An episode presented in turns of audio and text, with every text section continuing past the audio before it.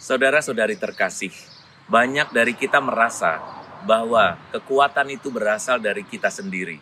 Jika ada kemauan, jika ada keinginan, maka kita bisa mendapatkan apa yang kita mau.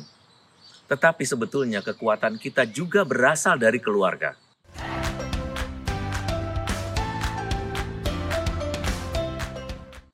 Ketika kita hidup dalam sebuah keluarga yang baik, maka keluarga akan memberikan semacam kekuatan buat kita melangkah keluar dari keluarga dan melayani orang-orang yang berada di luar kita.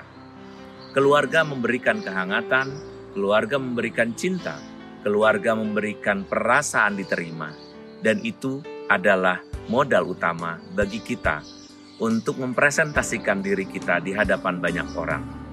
Mari kita tingkatkan kemampuan kita untuk mencintai, kemampuan kita untuk menerima, dan kemampuan kita untuk mendukung anggota-anggota keluarga kita. Orang tua mendukung anaknya, anak mendukung orang tuanya, demikian sebaliknya.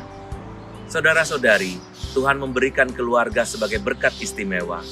Mari kita mulai dalam keluarga, memperoleh kekuatan di dalamnya, dan kemudian kita dapat memberikan yang terbaik buat orang di sekitar kita.